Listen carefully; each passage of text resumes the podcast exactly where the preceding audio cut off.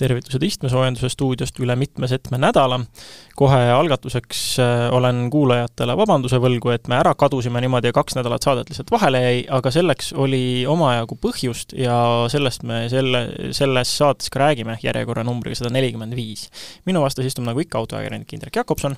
mina olen nagu ikka Veli Rajasaar ja selles saates on meil ainult kolm põhilist teemat ja kaks neist on väga tugevalt seotud sellega, miks me siis eetrist puudusime. ja üks neist on äh, selline, mis lihtsalt läheb hapuks, kui me sellest ei räägi, ja see on, äh, selleks rubriigiks on ikkagi nädala Elon, teda ei saa ära jätta. jah, onu Elon on lihtsalt selline mees, kes jõuab iga nädala jooksul nii palju uut ja huvitavat produtseerida, et no vahepeal on ta saanud äh, nii kõvasti tegusid tehtud, et me mõtlesime, et kuigi see saade on natuke teistsugune, mitte sellepärast, et on sada nelikümmend viis, vaid lihtsalt meil on nii suured teemad, siis onu Elonit kuidagi vahele jätta ei saa.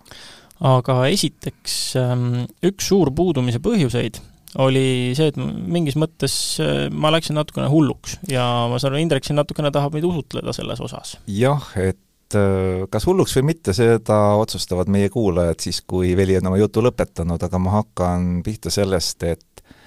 Äh, Veli, räägi kõigepealt, kus sa käisid ja miks sa sinna üldse läksid, mis sul pähe lõi? Ma läksin Kreekasse ja tõin endale veel ühe auto. miks sul oli veel ühte autot vaja? No tuli selline tunne, et väga oleks vaja, nagu, nagu hobiauto inimestel tihti, et ei saa enam ilma. see tunne on tuttav, aga miks just see auto ja miks nüüd? jah, võib öelda, et et ähm, nüüd mul ei ole enam mitte üks MR2 Spider, vaid mul on neid kaks tükki. nii et see on MR2 Spider? just.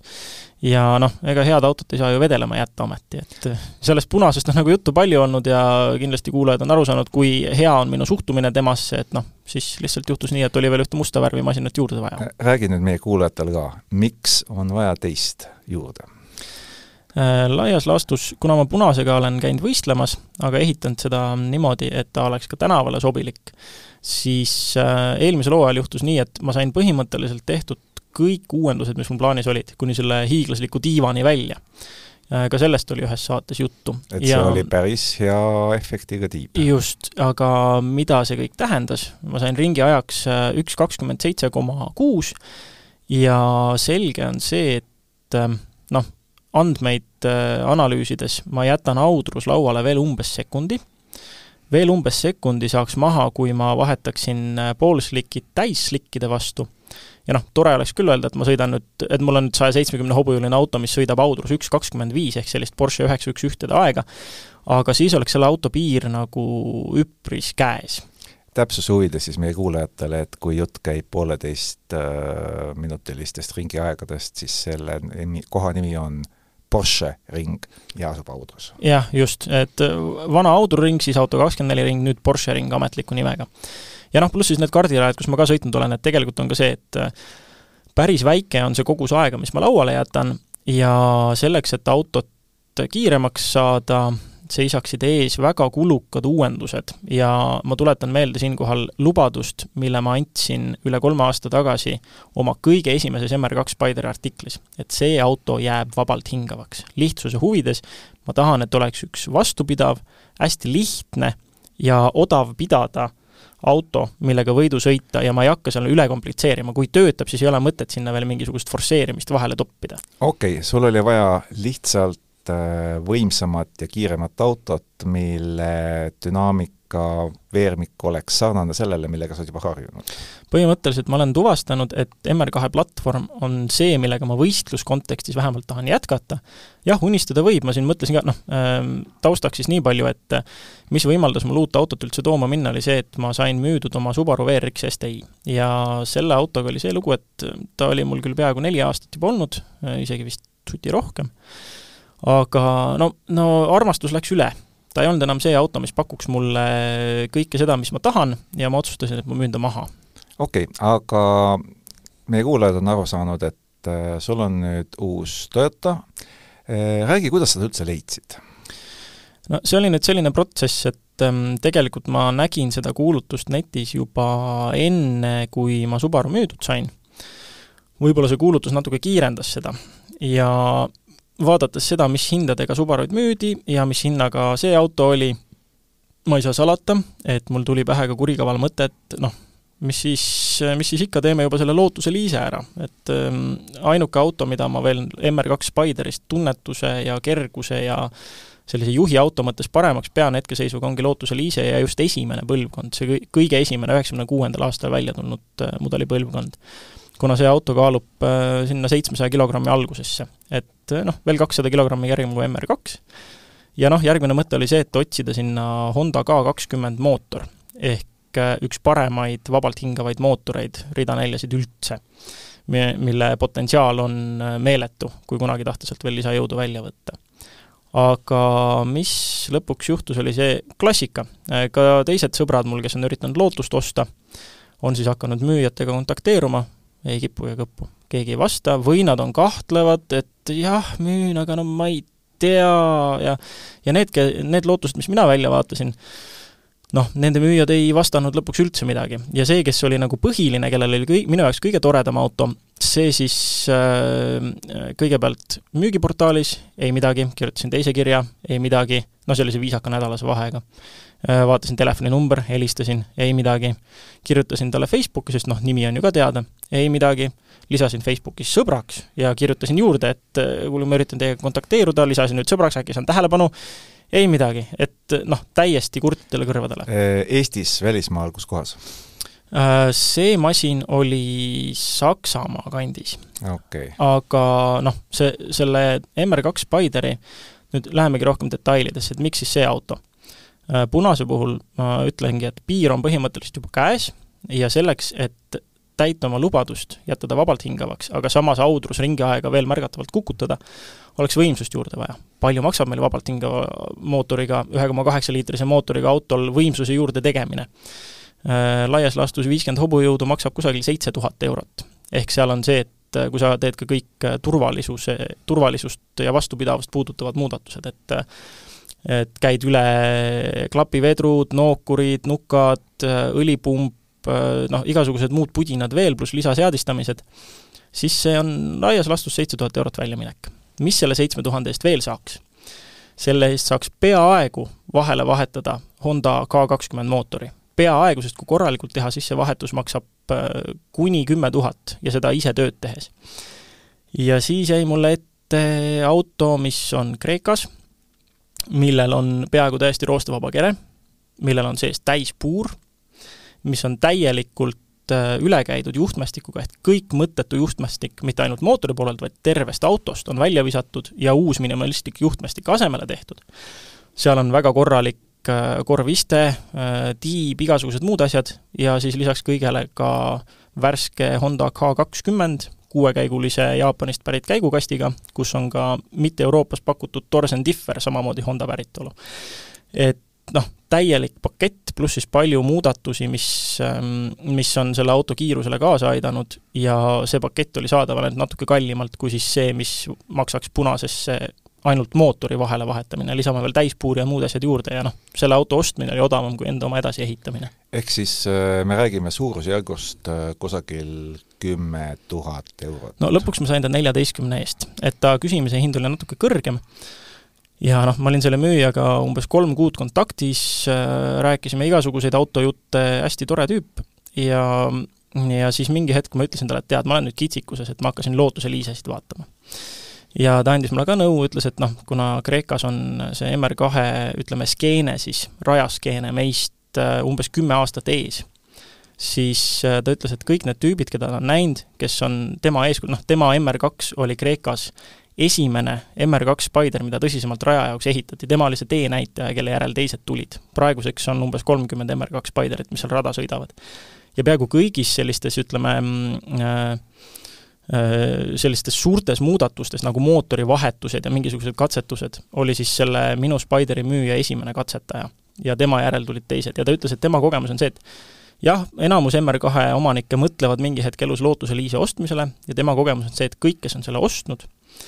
on lõppkokkuvõttes äh, raja kontekstis pettunud puhtalt sellepärast, et nad lähevad rajasõiduks ehitatud MR2-lt Lootuse liisele ja siis avastavad, et äh, ka sinna Lootusesse on kõvasti raha vaja taguda, et ta suudaks selle eelnevalt ehitatud MR2-ga sammu pidada ja peamine asi on seal stabiilsus ehk äh, rööbe ja teljevahe okei okay., sa valisid auto välja, aga ma arvan, meie kuulajad juba kivelevad kuulmast, et kuidas sa siis sellele autole järgi läksid, kuidas sa kõigepealt käed lõid virtuaalselt ja kuidas su teekond algas? see oli jällegi selline tore tähtede planeetide joondamine, et äh, kui ma olin müüjale äh, öelnud, et äh, mõtlen ka lootuse liisede peale, ta andis mulle nõu ja mingi hetk otsustas, et kuule, tead, ma teen sulle natuke hinda veel alla. ja siis ma sain aru, et kui, ähm, kui mulle tehakse umbes tuhat viissada eurot hinnaalandust ja see on kaalukausil nagu minu jaoks määrav, et hakata reisi lõplikult planeerima, siis ma sain aru, et ma olen tegelikult ikka liiga vaene, et Lootuse liiset osta ja seda rajale ehitada. ehk siis hakkasin planeerima, vaatasin, et mitmed asjad langevad omavahel kokku, sealhulgas üks äh, tore reis Marokosse, millest ma lähiajal kirjutan, äh, tegu oli daatšatega ja sõitu oli düünidel, ähm, ja vaatasin, et kohe pärast seda reisi saaks osta lennupileti Kreekasse ja siis äh, samal ajal planeerida juba Uku Tamperega, et tema hakkaks Eestist ähm, siis auto ja haagisega ja ka talverehvide ja velgedega vastu tulema ja et me vaataks jooksvalt selle kohtumispunkti, et noh, kui mina olen Ateenasse lennanud, auto üle vaadanud, kõik sobib, siis äh, hakkan sealt sõitma nii kaugele, kui saan põhimõtteliselt, vastavalt ilmale. Ja eks siis ootan Ukut endale kuskile vastu või noh, kus iganes, või siis, või siis ta tuleb mulle kuskile kaugele vastu, annab mulle talverehvid, siis me sõidame koos tagasi siis Haagisele, noh, mis iganes, et variante nagu oli. okei okay,, variante oli, aga mm, sa lubasid küll, et sa kirjutad sellest äh, tüünidel sõidust kindlasti pikemalt ja see nagu otseselt MR2-ga ei haakugi aga ikkagi räägi natukene ette sellest, kuidas oli sõita hoopis teistsuguse autoga, mis on rajale mõeldud? Äh, sa mõtled nüüd enne, enne nende Daciatega või? just, et no see, need Daciat kindlasti ei ole rajale mõeldud absoluutselt, need ähm, sinna ütleme, düünidele sobisid kui valatult, väga tore marsruut oli valmis pandud, äh, Dacia Dusteri äh, näokergitused, näovärskendused, millel olid ikkagi nelikvedu, käsikast, igasugused maastikul sõitmiseks vajalikud atribuudid küljes, väga hea, askeetlik, minimalistlik auto, marsruut oli selline, et äh, said sõita mööda jõesänge, mägiseid kohti, liiva ja samas said ka nagu hästi natuke ette antud marsruudist kõrvale keerata, et proovida, kas on võimalik autoga kinni jääda. no ma tõesti proovisin, aga mul ei õnnestunud. aga kas kellelgi õnnestus äh,? Ei tea, et oleks, aga seal selle marsruudi peal oligi nii, et inimesed suht omasoodu kulgesid, aga, ja me olime nüüd Läti kolleegiga ühed esimeste seas, kes igale poole alati jõudsid ja me tee ääres ei näinud küll, et keegi hädas oleks olnud. okei okay., nii et äh, sealt said ühe hoopis teistsuguse kogemuse? just, et see, see oli äh, kokkuvõttes selline koos selle MR2 toomisega selline kümnepäevane seiklus, et äh, alustad Daciatega Marokos, siis lendad Ateenasse, seal veel huvitav asi on see kreeklaste külalislahkus, et noh, ma olen teiste riikide külalislahkusega kokku puutunud, aga Kreeka omaga veel ei olnud. ja Ateenas oli see mul ka esimene kord käia, ja lihtsalt see kord, kui reisi asjad hakkasid juba joonduma ja ma selle müüjaga, noh, kuna temast veel juttu tuleb, ütlen ta nime siis ka ära, Manos äh,, Emmanuel ehk siis hüüdnimega Manos Kreekas äh,, arutasin siis Manosega, et, et kuidas see reis võiks juhtuda ja ütlesin, noh, et plaan on niisugune, et variandid on tulla näiteks lennukiga Ateenasse, eks ma vaatan omale koha peal mingi Airbnb või mingi asi, noh, eestlaslikult ma ei oota ometi, et et mind nüüd võõrustatakse, midagi tehtakse, on ju. Ja siis selle peale lihtsalt, kuidas Manus niimoodi läbi naeranud, Veli, there is no accommodation in Athens. siis ma mõtlesin korra, noh, järgmine loogiline mõte oli, et mis asi, kas mingi suur üritus on, kas jalgpalliga seoses, kas kõik on juba kinni broneeritud, issand, mis ma teen? ja siis sekundi murdu osa hiljem jõudis mulle kohale, mida ta mõtleb ja siis ma saingi aru, et tema jaoks ei ole mingi probleem, et ma saabun äh, näiteks laupäeval ja ta võõrustab mind nii kaua kui tarvis, et ma jõuaks auto üle vaadata, paberimäärimised nädala alguses ära ajada, kõik, kõik, kõik asjad. Ja mitte lihtsalt, et ta ei võõrusta, vaid äh, tema ja siis ta tüdruksõber panevad kohe nagu nii-öelda ütleme, et nende vastutada on siis ka mingit sorti meelelahutusprogramm kokku panna, et kus me Ateenas lähme, kus me jalutame, mis me teeme,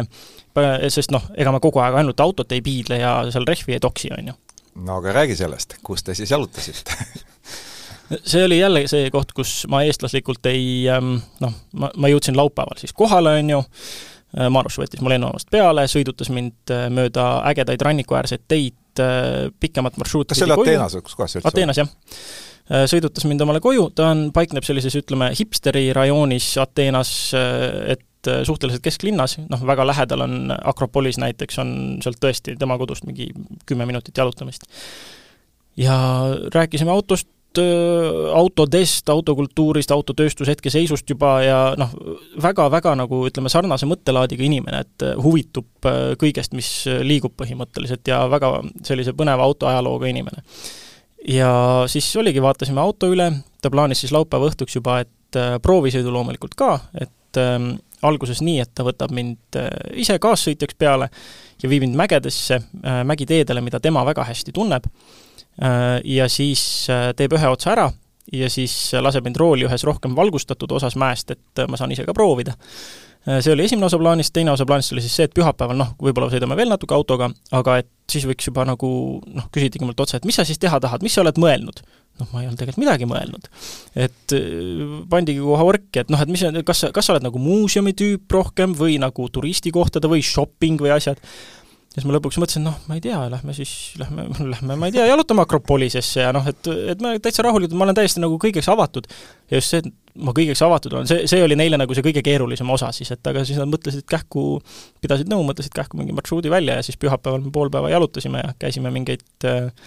mingeid toredamaid äh, kohti läbi ja, ja täitsa selline meeleolukas. kas ta hoiab seda autot oma kodu juures või tal on garaaž või kuidas, kuidas Kreekas nagu kombeks on, sest Eestis noh, ma ei kujuta eriti ette, et MR2 tänaval siin lume alla mattuks, aga kuidas seal kombeks on? Äh, no temal oli vedanud, tal oli maja all selline kaetud äh, hoiukoht, mitte garaaž, ikkagi tänavalt sai sisse, aga aga maja all oli võimalik autot, autot hoida, ehk siis nii-öelda nullkorrusel see oli tema ainukene auto või tal oli mitu? tal oli, oh issand, tal oli äh, igapäevaasjadeks mingisugune äh, Mercedes ja siis äh, naine ajas asju linna peal kas äh, mopeedi või Toyota IQ-ga ja siis MR2 seal ka vedeles muuhulgas jah, et mida ei olnud äh, minu saabumise hetkeks umbes pool aastat äh,, ei olnud ta sellega sõitnudki. aga esimene proovisõit oli ka selline, ütleme, jälle kord meeleolukas on vist õige sõna, et arutasime selle auto ümber kõik asjad ära, vaatasin igalt poolt, kus ma tahtsin, ja sõiduhetkeks siis noh, selle auto käimapanek on juba väga äge rituaal. et ta on ikkagi võidusõiduautolikult, kõik sul on keskpaneelil on koos äh, igasugused nupukesed, kangikesed, massilüliti, et ongi mass sisse, kütusepump sisse, kuulad, kuni undamise lõpetab, siis annad starterit, siis äh, ühendad ära äh, seal väikse tahvelarvuti, mis täidab armatuurlaua infonäidikute aset, kuhu jooksevad sisse kõik mootori juhtajust tulevad äh, andmed, erinevate andurite andmed kõike, kõike, kõike, mis tahad jälgida saab põhimõtteliselt, äh, õlirõhud, õlitemperatuurid, noh, kõik igasugused asjad. et ähm, sa siis ühendad selle ära, käiguvaheti on hästi konkreetne, noh, ma ei teagi, mis eesti keeli võiks olla, aga billet shifter ehk siis nagu põhimõtteliselt välja freesitud äh, detailidega käiguvaheti hästi-hästi konkreetne, jällegi kõrvaldab ühe peamiseid äh, MR2 Spideri nii-öelda tehase probleeme, millega ma enda oma juures olen maadelnud, et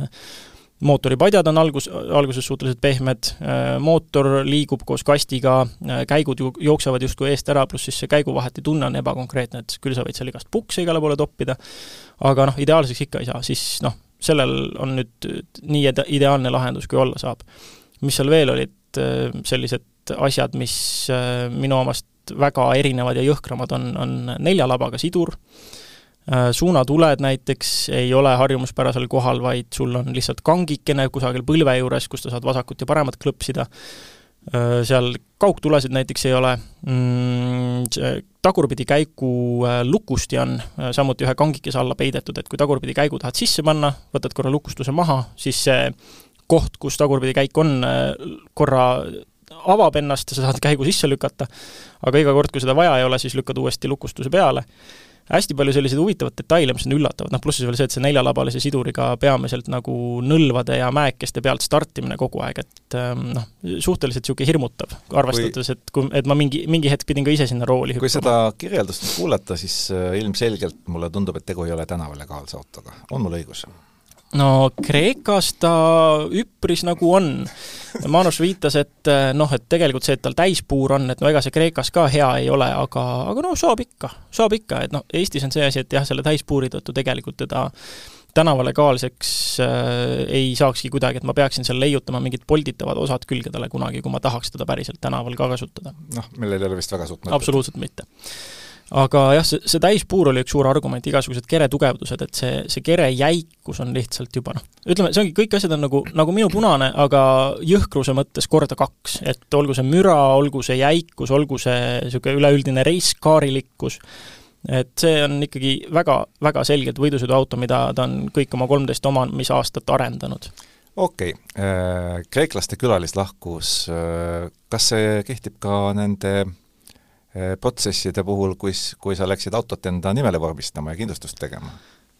seal kehtib natuke teistmoodi loogika, kuna, kuna selliseid asju saab ajada ainult nädala sees, mina teatavasti jõudsin nädalavahetusel, siis oligi plaan see, et nädalavahetusel kõik sõidud ära tehtud, noh, mägedes veel juhtus väike äpardus, äh, üks juba, auto ei olnud sinu omagi juba äpardas? just, et äh, esimene selline mägede sõit äh, tippu ja siis avastasime, et tühikäik on tõusnud tavapärase tuhande pealt kolme tuhande pöörde juurde, ilmselgelt kahtlustasime mingit vaakumit, aga lõpuks oli üks alumiiniumteip jah, põhimõtteliselt äh, plokikaane pealt äh, ploki, ploki, äh, issand, klapikambri kaane pealt udjama pannud, mistõttu siis sai õhku juurde, et lihtsalt alumiiniumteipi peale ja kõik oli jälle hästi.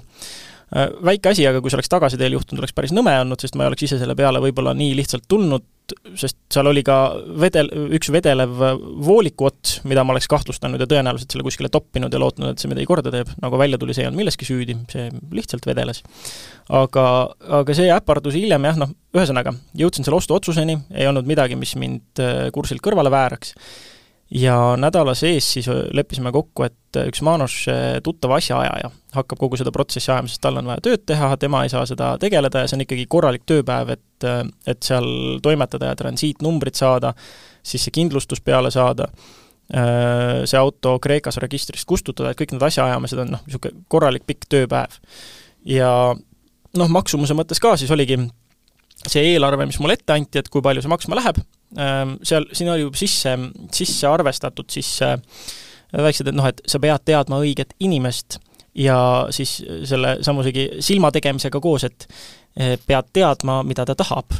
ja, ja see oli kõik eelarvesse sisse arvestatud. ja, ja noh, ja niimoodi oligi, et teisel äh, seal, oli see kadalipp, mida läbi käia päris palju ja see asjaajaja ütleski, et kui sa oled välismaalane, kes tuleb ise neid asju ajama, ja sa ei tea neid õigeid inimesi, kelle juurde ja kuidas täpsemalt ja millega minna, siis, äh, siis sa ajadki neid asju väga kaua, et siis ei ole ühe päevaga seal see noh, ühe päevaga see asjaajamise ära tegemine on võimatu. ja, ja noh, võib-olla on ka olukord, kus sind hoitakse nädal aega koha peal ja siis selgub, et sulle ikka ei anta neid transiitnumbreid. aga õnneks temaga sujus, ähm, mingisugune noh, kindlustuse protsess oli viimane, mis venis äh, ja seda pidi teisipäeva hommikul uuesti üle vaatama, siis ikkagi tuli välja, et toll tahab seal autot ka korra näha veel. ja pärast seda äh, tuli veel välja, et äh, mõned inimesed tahtsid isegi selle asjaajaga natuke viivitama hakata, aga noh, mõni hetk hiljem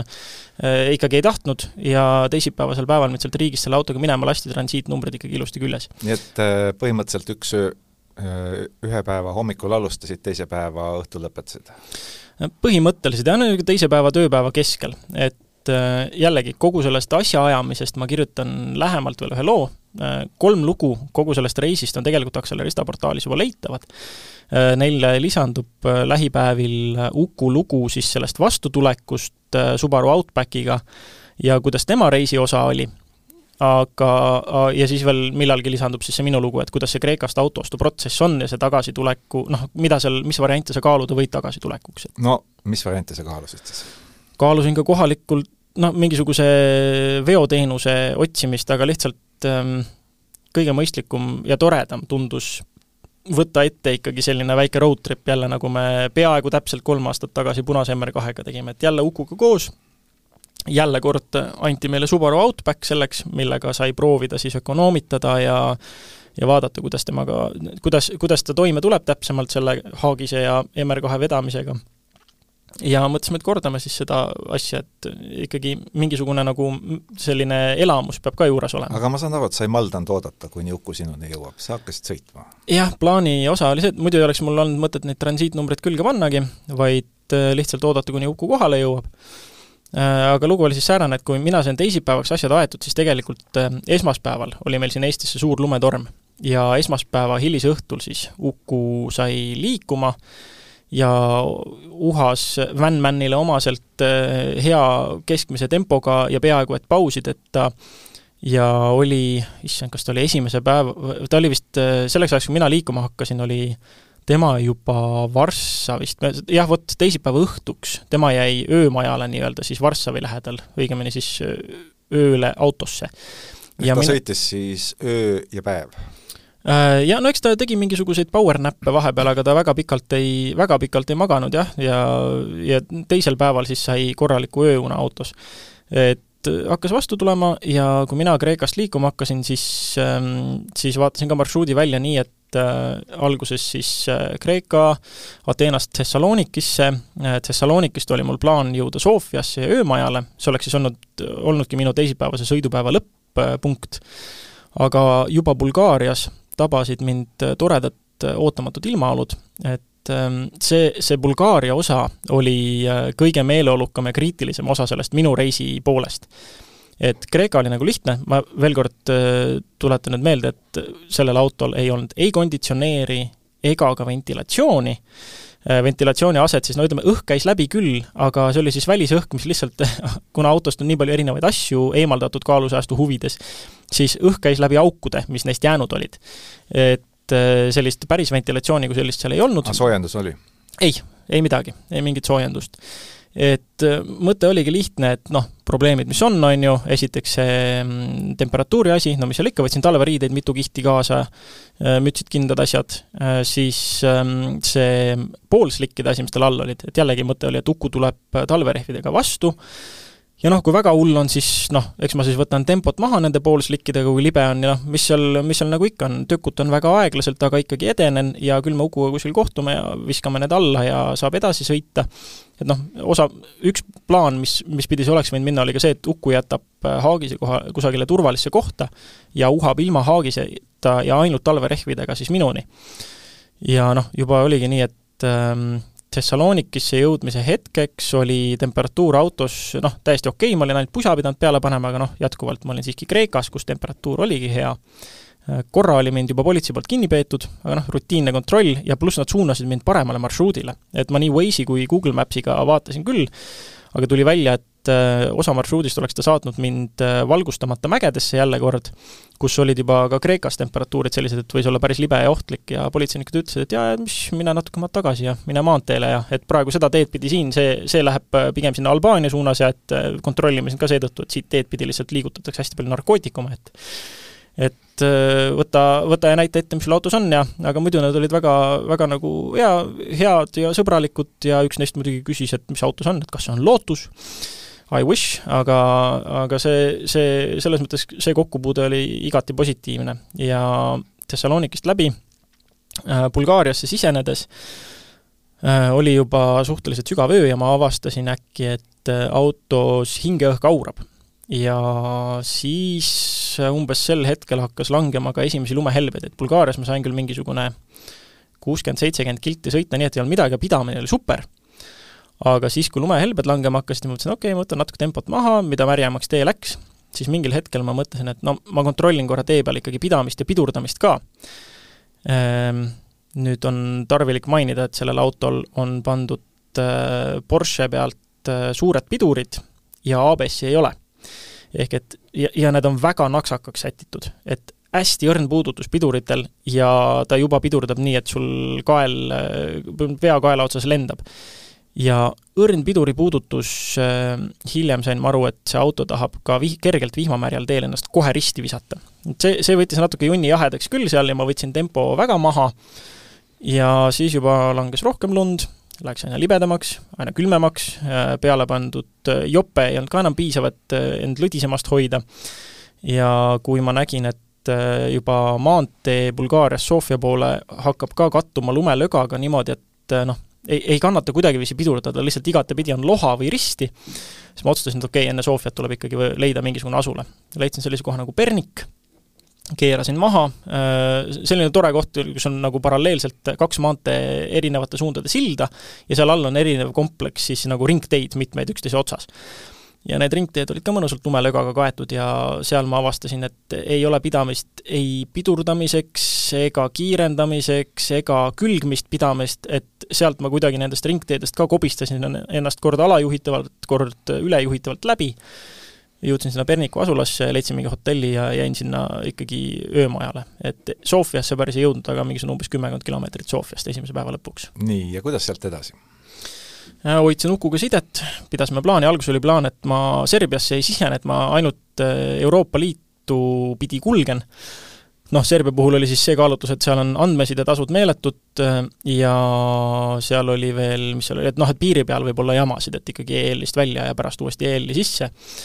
aga vaadates, et Rumeenia teed olid äh, Uku teada ikkagi väga kehvad ja tõenäoliselt veel kehvemini hooldatud kui, äh, kui Bulgaarias, ja samas vaadates, et Serbias lubas järgnevaks paariks päevaks päris head plussi, siis tuli see otsus ikkagi vastu võtta, et Serbiasse siseneda aga selle teise sõidupäeva hommikul ma avastasin, et äh, autotuled ei tööta enam. et äh, need, mis eelmisel õhtul veel kenasti öösel töötasid, olid nüüd selle lumelögaga saanud nii kenasti pihta, et hommikuks tõenäoliselt kontaktid ja kõik ballastid ja asjad olid kenasti läbi ligunenud ja midagi seal põlema enam ei läinud. proovisin selle kontaktipistikuid sättida, sain natuke särtsu, aga ühe tule vahepeal korra sain tööle, tuvastasin seejuures ka, et tõenäoliselt tulede lüli, lüliti on natuke riknenud ja otsustasingi, et seal Pernikus ma, tähendab siis sõitsin Serbiasse sisse valgel ajal ja otsustasin, et järgmine asula, suurem linn, oli Niš ja seal otsustasin otsida siis autoelektrikut, kes need korda teeksid. ja suunati täiesti mingisse nurgatagusesse kohta, täiesti suvaline, ma alguses ei leidnud neid hästi üles, koputasin paar ust läbi, siis ma sain aru, et kusagil ikkagi mingi väike keeles sa rääkisid nendega? Äh, inglise keeles üritasin hakkama saada, natuke lisasin vene keeles juurde, kui vaja,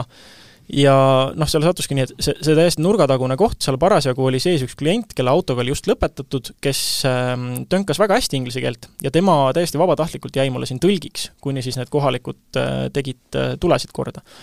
ilmneski, et riknenud oli üks ballast teine tuli läinud sellepärast põlema, et ka lüliti oli kehva ja mingisugune jura seal sees oli ära murdunud ja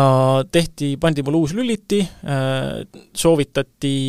äh, näit-, noh, isegi mitte ei soovitatud, vaid helistati ühte poodi, uuriti, kas on vajaolev ballast koos pirniga koha peal olemas, saadeti mind sinna,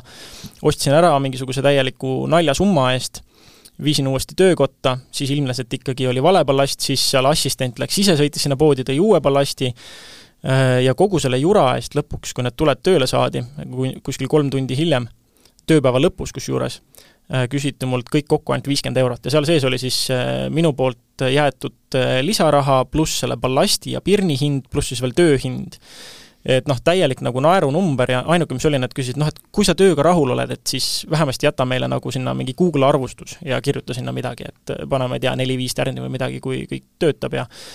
ja aga et täiesti vabatahtlik. Ja kuna kõik töötas ja suhtlus oli väga korralik, noh, ma küll, ma olen serblastega kokku puutunud, tean nende roppuseid ja ma sain aru, kui, kui palju see peaelektrik seal ropendas ja vandus ja sõimles, siis äh, nii palju, kui ma aru sain, midagi minu suunal ei olnud, et loll väljamaalane, mis sa siin toimetad. mina jäin tööga väga rahule ja, ja siis ainuke asi oli see, et järgmisel hommikul siis äh, see lüliti, mis oli pandud, see oli ikka riknenud, ma käisin kähku nende juurest uuesti läbi ja see vahetati ära täiesti tasuta. et noh, üleüldiselt nagu jah, väga, väga nagu positiivne kogemus, et ja tõesti, no mõelda, et tööpäeva lõpus kus sa Eestis niimoodi sellise raha saad, see on põhimõtteliselt äh, tunni hind enamjaolt äh, mingis sellises töökojas, kus sul sõpru ei ole, on ju. et äh, täiesti selle koha pealt väga positiivne elamus, ainuke asi oli see, et teine sõidupäev läks lörri, et ma sain sõidetud, saingi sõidetud põhimõtteliselt sealt Bulgaariast, Pernikust, siis sinna Niši linna mingisugune, ma ei tea, kas oli mingi sada seitsekümmend, sada kaheksakümmend kilti äkki, midagi sellist. jäid Niši söömale? Äh, just, jäin seal, leidsin täitsa hea hinnaga hotelli, jällegi mingi kolmkümmend viis euri ainult äh, korralik tuba, korralik hommikusöök, kõik nagu noh, täiesti meie mõistes nagu naljahinnad tegelikult. ja pluss siis veel see, et ma olin seal äh, samas linnas, kus, et, et vaatan, et kui hommikul tuled ikka ei tööta, et siis ma saan ju ometi elektriki juurde tagasi minna. ja siis olid ka saabunud need suurepärased plusskraadid, mida ma väga ootasin ja peaaegu kümme kraadi ja päike ja saigi mööda maanteid uhada, et umbes viissada kilomeetrit oli veel jäänud, pärast seda, kui need, kui see tulede lülit uuesti välja vahetatud sai, siis saigi võtta täpselt sellise tempo, et päikeseloojanguks olin ma Ungaris äh, ja kohtusin Ukuga. ja sinna ta jõudis juba peaaegu päev enne mind, et ütleme, kogu selle tulede ekstsessi ja ilma pärast läkski kusagil kakskümmend neli tundi tegelikult kaotsi. nii et Uku ootas sind Ungari-Serbia piirile? Just, ja seal juba auto haagisele ja tagasi kodu poole ja peaaegu et otse sai kusjuures tuldud, et see oli kaks tuhat kolmsada kilomeetrit reisi umbes, ja,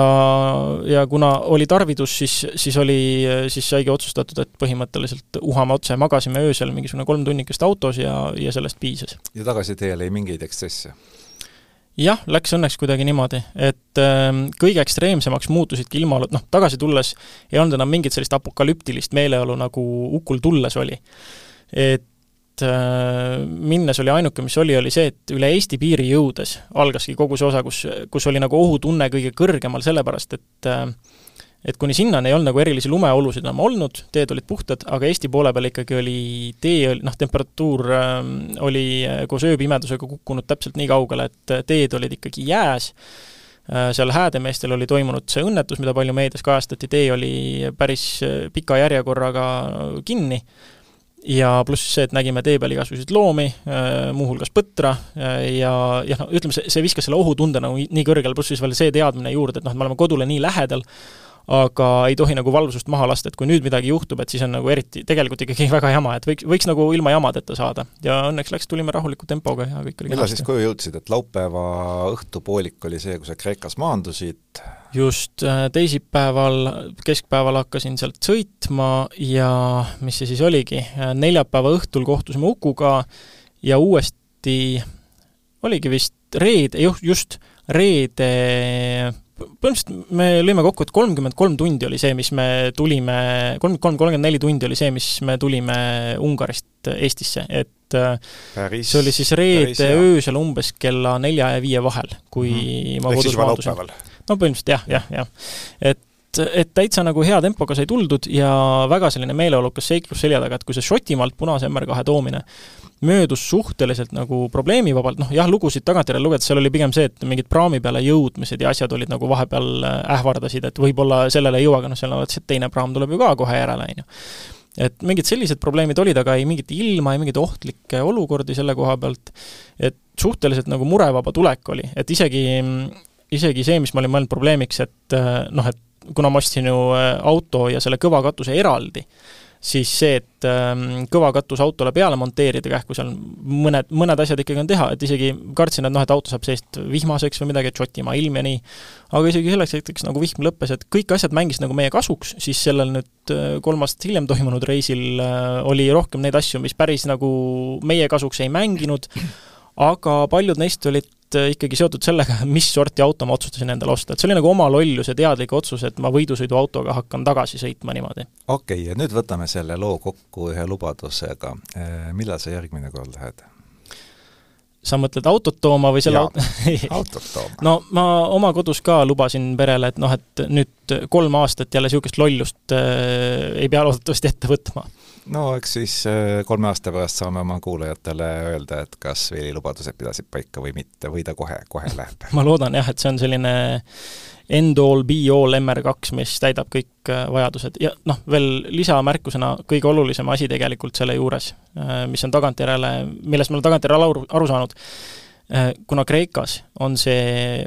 kogemus nende autode kiireks ehitamisel meist tõesti umbes kümme aastat ees, siis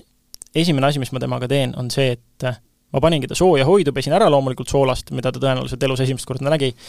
ja ühtegi asja ma tema juures nüüd ei näpi. sillaseadet, ei mootoriseadet, ei, ei tiivanurka, mitte midagi, kõik jääb nii, nagu on, sest et ma tahan esimesel, esimestel rajaristsetel tunda, mida siis tähendab see kolmteist aastat arendustööd. mida, mida kreeklased teavad, mida mina ei tea, mida mul on neilt õppida,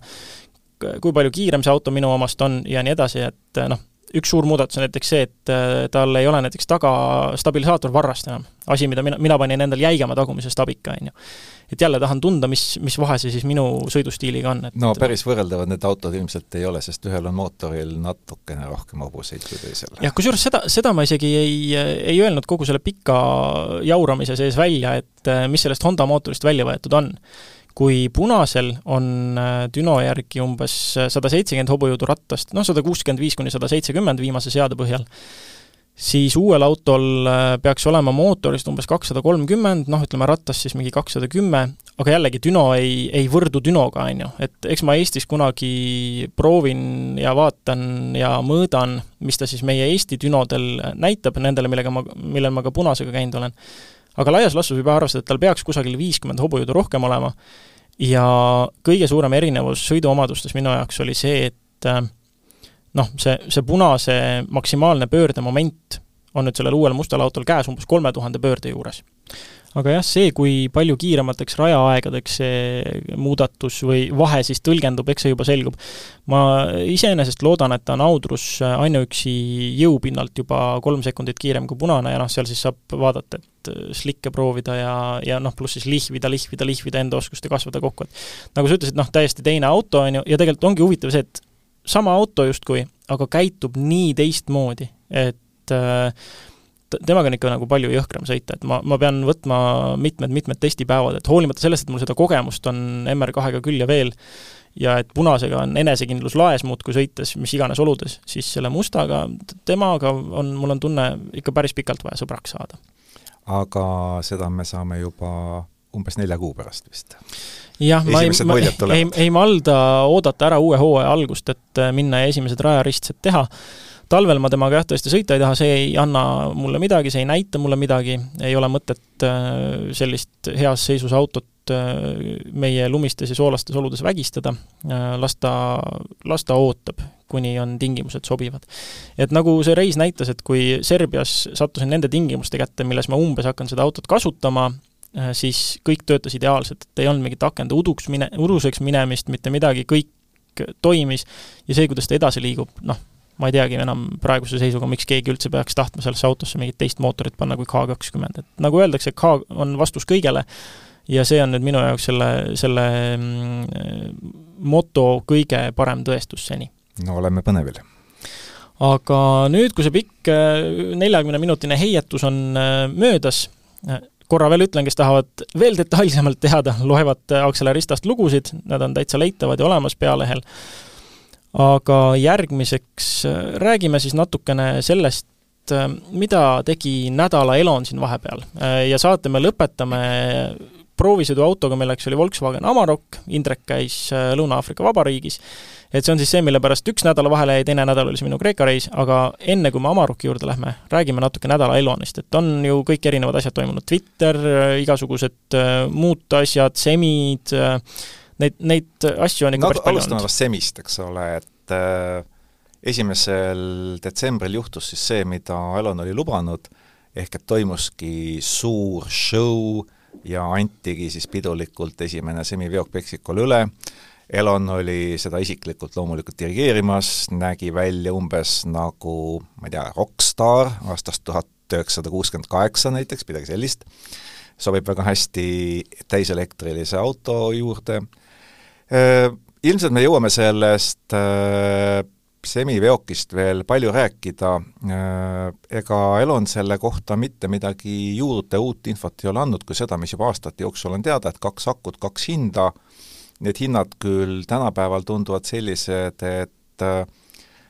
noh, kuidas on võimalik nii suurt autot saja seitsmekümne tuhande dollari eest müüa, ilmselt mitte, aga noh, vaatame, mis sellest saama hakkab.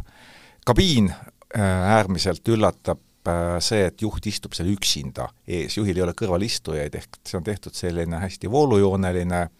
ja esimesed juhid on ka natukene kirunud selle praktilisust, et ta aitab küll kütust kokku hoida, aga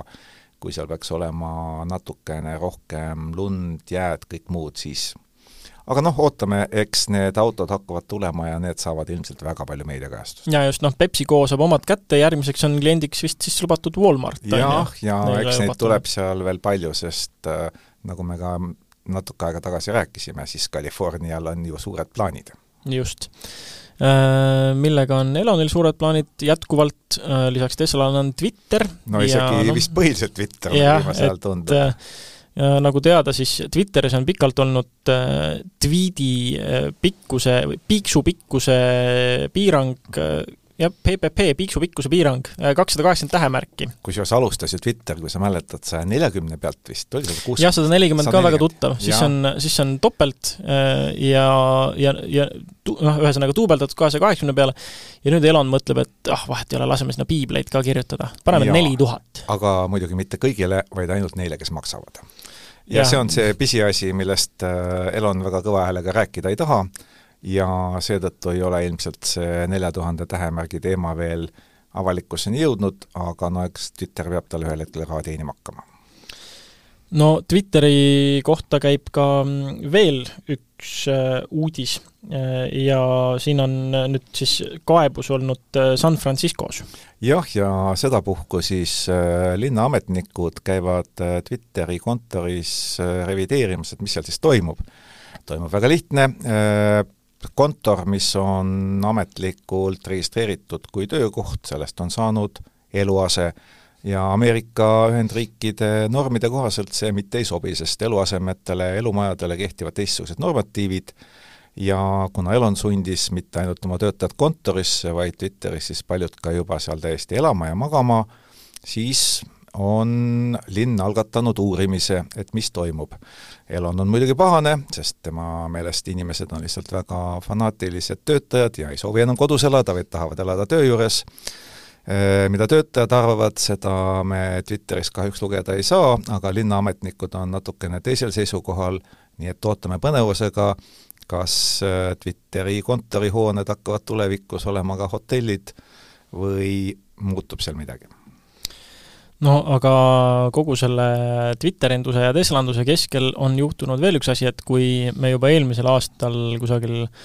alguse või keskpaiga poole saime teada, et maailma rikkaim inimene, noh, selle järgi siis, kuidas seda arvestatakse, äh, ehk siis väärtuse järgi, on Elon Musk, kelle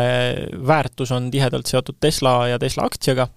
siis äh, nüüdseks ei ole Elon Musk enam maailma rikkaim inimene. jah, Forbes äh, ja Bloomberg äh, üheskoos teevad siis sellist edetabelit, kus nad hoiavad pilku peal, kes on maailma rikkaim inimene, ja kui Elon üldiselt kõiki temaga seonduvaid tähtsaid sündmusi oma tweetide kaudu kursis hoiab, siis see uudis jäi Elonil millegipärast viitimata. Elon ei ole enam maailma rikkaim inimene jah, selleks on hoopiski nüüd jällegi äh, vabandust, äh, prantsuse keelt mõistvad inimesed, äh, ma selle nimekuju tõenäoliselt mõrveerin, aga Bernard Arnault, kes on siis luksuskaupade tootja LVMH esimees ja tegevjuht. ja ühtlasi ka suuromanik ja, ja seal kusagil, ma eeldan, et siis teisel kohal on Jeff Bezos tõenäoliselt või kolmandal siis Elon Muski järel, on ju? Veel hetkel on äh, Musk teisel kohal, et mm -hmm. Forbesi andmetel siis praegusel hetkel Arnault on kuskil sada üheksakümmend, sada üheksakümmend üks miljardit on tema väärtus ja Musk on siis teisel kohal sada seitsekümmend neli et äh, tema Twitteri afäärid on tema varandust kõvasti kahandanud, no Tesla aktsia on ju, nagu rääkisime, kaotanud üle poole oma hinnast aastaga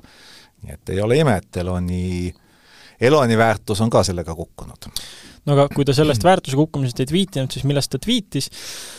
oli küsimus äh, Twitteri kasutajatele, et äh, mis te arvate, kas ma peaksin Twitteri tegevjuhi kohalt siiski tagasi astuma, et ja, ja lubadus, et selle küsitluse tulemuste järgi ma ka käitun. Ja kusjuures see tundub olevat üks, äh, ma julgen nüüd öelda, et see on läbi aegade kõige suurem ja populaarsem küsitlus, aga vähemalt viimaste aegade Eloni saaga puhul küll, seitseteist ja pool miljonit hääletajat, meenutame, Twitteril on umbes kolmsada miljonit kasutajat, kellest küll paraku ainult kümme protsenti on aktiivsed, nii et see on päris, päris hea number, ja viiskümmend seitse ja pool protsenti arvasid, et Elon võiks tagasi astuda. aga küsimus on nüüd, et millal ta selle küsitluse kinni paneb muidugi, millal tuleb tulemused lõplikuks, seda me veel ei tea, aga hoiame silma peal, sest et praeguse seisuga paistab tõesti, et ta, ta peaks siis andma teatepulga üle ja noh, tõenäoliselt noh,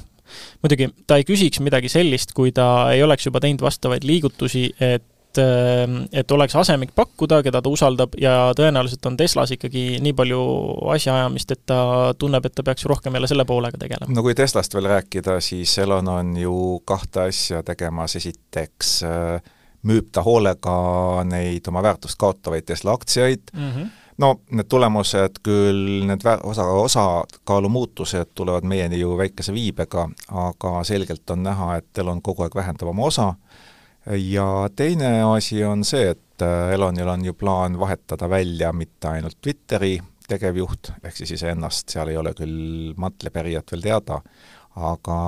kuulujuttudes räägitakse, et Tesla saab omale uue tegevjuhi Hiinast, ehk siis see mees, kes praegu juhib Hiina operatsioone.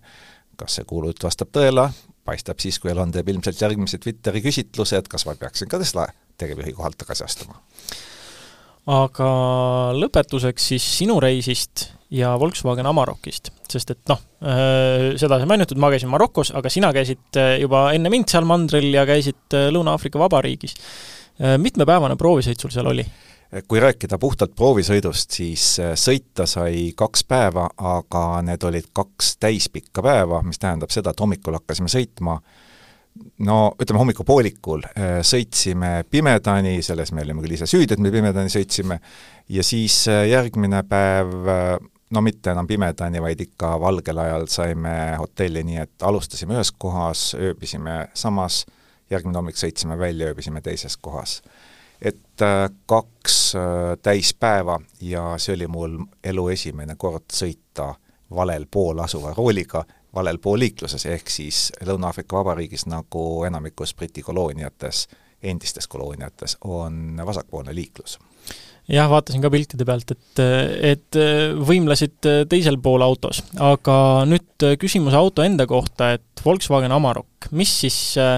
tema tähtsus, mitmes põlvkond või kas näovärskendus või mis on uut? no tegelikult seal on kõik uus, see oleks nagu hästi lihtne öelda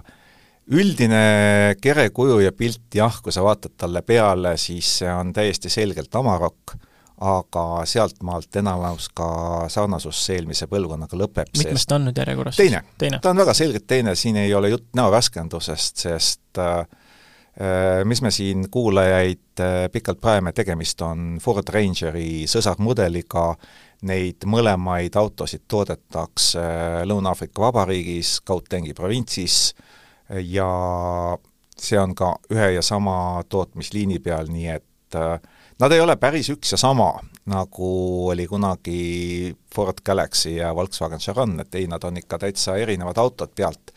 Aga nad on koos välja töötatud, platvorm on sama, mootorid on samad, käigukastid on samad. no ma vaatasin isegi sõitjate ruumis, see infolust on väga, väga nagu suht-, ikka üks-ühele. jah, see on üks-ühele ja kusjuures kõige naljakam on see, et Volkswagen disainis ise siseruumi, võttis Fordilt selle infolusti ekraani, kaksteist koma natukene tolli, väga mõnus, kuni see ekraan oli suures Ford Exploreris. Ja siis on Volkswagen arvanud, et ta teeb ise sinna nupud alla. ja no see ei olnud hea mõte, sest nende kaudu näiteks kliimaseadme juhtimine oli pehmelt öeldes liiklusohtlik mm.. et ta ei ole, see ergonoomikat ei ole võimalik päris niimoodi paika sättida, et sa võtad ühest kohast ühe jupi ja siis paned teise jupiga kokku, et päris nii saab, aga nii ei ole mugav. aga okei okay,, no, no sõitjate ruum on üks asi, aga Amaroki puhul ikka vast kõige rohkem huvitab see, et kuidas ta hakkama saab ja just maastikul, et noh, ma eeldan, et teid viidi sinna põhjusega, mitte lihtsalt seepärast, et tehas on lähedal, vaid ka seepärast, et marsruute, millel masinat testida, on äh, mitmesuguseid. kus, mis sorti teid te siis läbisite, et lihtsalt kui ma tõmban paralleeli kunagi ühe Namibia Land Cruiseri proovisõiduüritusega, siis seal oli kokku pandud ikka, ikka väga põhjalik marsruut erinevatest jõesängidest kuni kiviklibude ja mingisuguste liivateede ja düünideni välja, et kuidas, kuidas teie marsruut oli? no meie marsruut tegelikult hõlmas absoluutselt kõike, et see hõlmas natukene kiirteed, see hõlmas peamiselt selliseid tavalisi külateid, ütleme siis mm, -hmm. aga noh, asfalteeritud suhteliselt heas korras, hõlmas äh, spetsiaalset off-road rada, umbes viis kilomeetrit, ja hõlmas ka, nagu sa ütled, kiviklibu, kruusa ehk selliseid teid, kus on väga lihtne rehvidest lahti saada ja meie Läti kolleegidel see ka õnnestus. See oli ka meil Aksel Rista Facebooki lehele sai pandud õrritav video sellest, kuidas sa eduka töö lõpus äh, siis selle purunenud rehviga välje kasti asetasid ja kasutasid kasti sihtotstarbeliselt vahelduseks. just, aga kui rääkida sellest, et kuidas me off-road'i läbisime, siis äh, seal muidugi Volkswagen äh, tegi selle triki, et need autod, millega me sõitsime maanteel, need jätsime ilusti tee äärde seisma ja meile anti selleks natukene teise varustustasemega, kusjuures lahjema mootoriga mm., sest need autod, mida kasutasime maanteel, olid kõik V6-d, seal saime tavalise neljapütase kapoti alla, aga muidugi hoopis teistsugused rehvid. et see natukene, ka teistsuguse ülekande, see võib-olla eriti ei mõjutanudki hakkamasaamist, sest need autod said üllatavalt hästi hakkama, ma öö, oma autoga ei oleks julgenud üksi minna nendesse teedesse, aga kuna me teadsime, et need on kontrollitud, need autod saavad läbi, me saime läbi tegelikult palju kergemini, kui võib-olla noh, seal soovitati küll kästi vahepeal lukustada keskdiferentsiaal, küll mm -hmm. panna aeglusti. no me igal juhul kogu aeg proovisime sõita natukene kiiremini või natukene vähem abisid kasutades, et mm -hmm. oleks pisut võimalik mängida ise nagu oma sõiduoskusega mm -hmm. ja alati teada, et sul on nagu tagataskus veel selline väga korralik potentsiaal ja seda Amarokil on just kusjuures see on analoogne, mida ma näiteks Dacia Dusteriga ja üleüldiselt muude off-roadi kogemustega teen, et peaaegu alati ma lähen äh, niimoodi, et et ma mõne abilise jätan veel äh, sisse lülitamata, kui ma jõuan sellele kõige tummisemale maastikule, et noh, tavaliselt ma näiteks lülitan veojuukontrolli välja, nii et noh, sinu parem jalg on su veojuukontroll, aga kui sa päriselt kuskile kinni jääd, siis on hea see sisse panna ja lasta tal veel väga täpselt doseerida, et ja enamasti ongi nii, et siis selleks üheks korraks veojuukontrolli sisse pannes sa saad kenasti välja sealt, kust vaja. no me ei saa öelda, et need rajad päris nii lihtsad oleks olnud, sest Norra kolleegidel õnnestus ikka korralikult kinni jääda. mis, äh, mis pinnasele või pinnasesse üsna, üsna tugev äh, kivi, noh, seal oli, ta jõesäng on nagu palju öeldud mm, -hmm. seal olid vanad ojad, seal olid äh, lihtsalt väga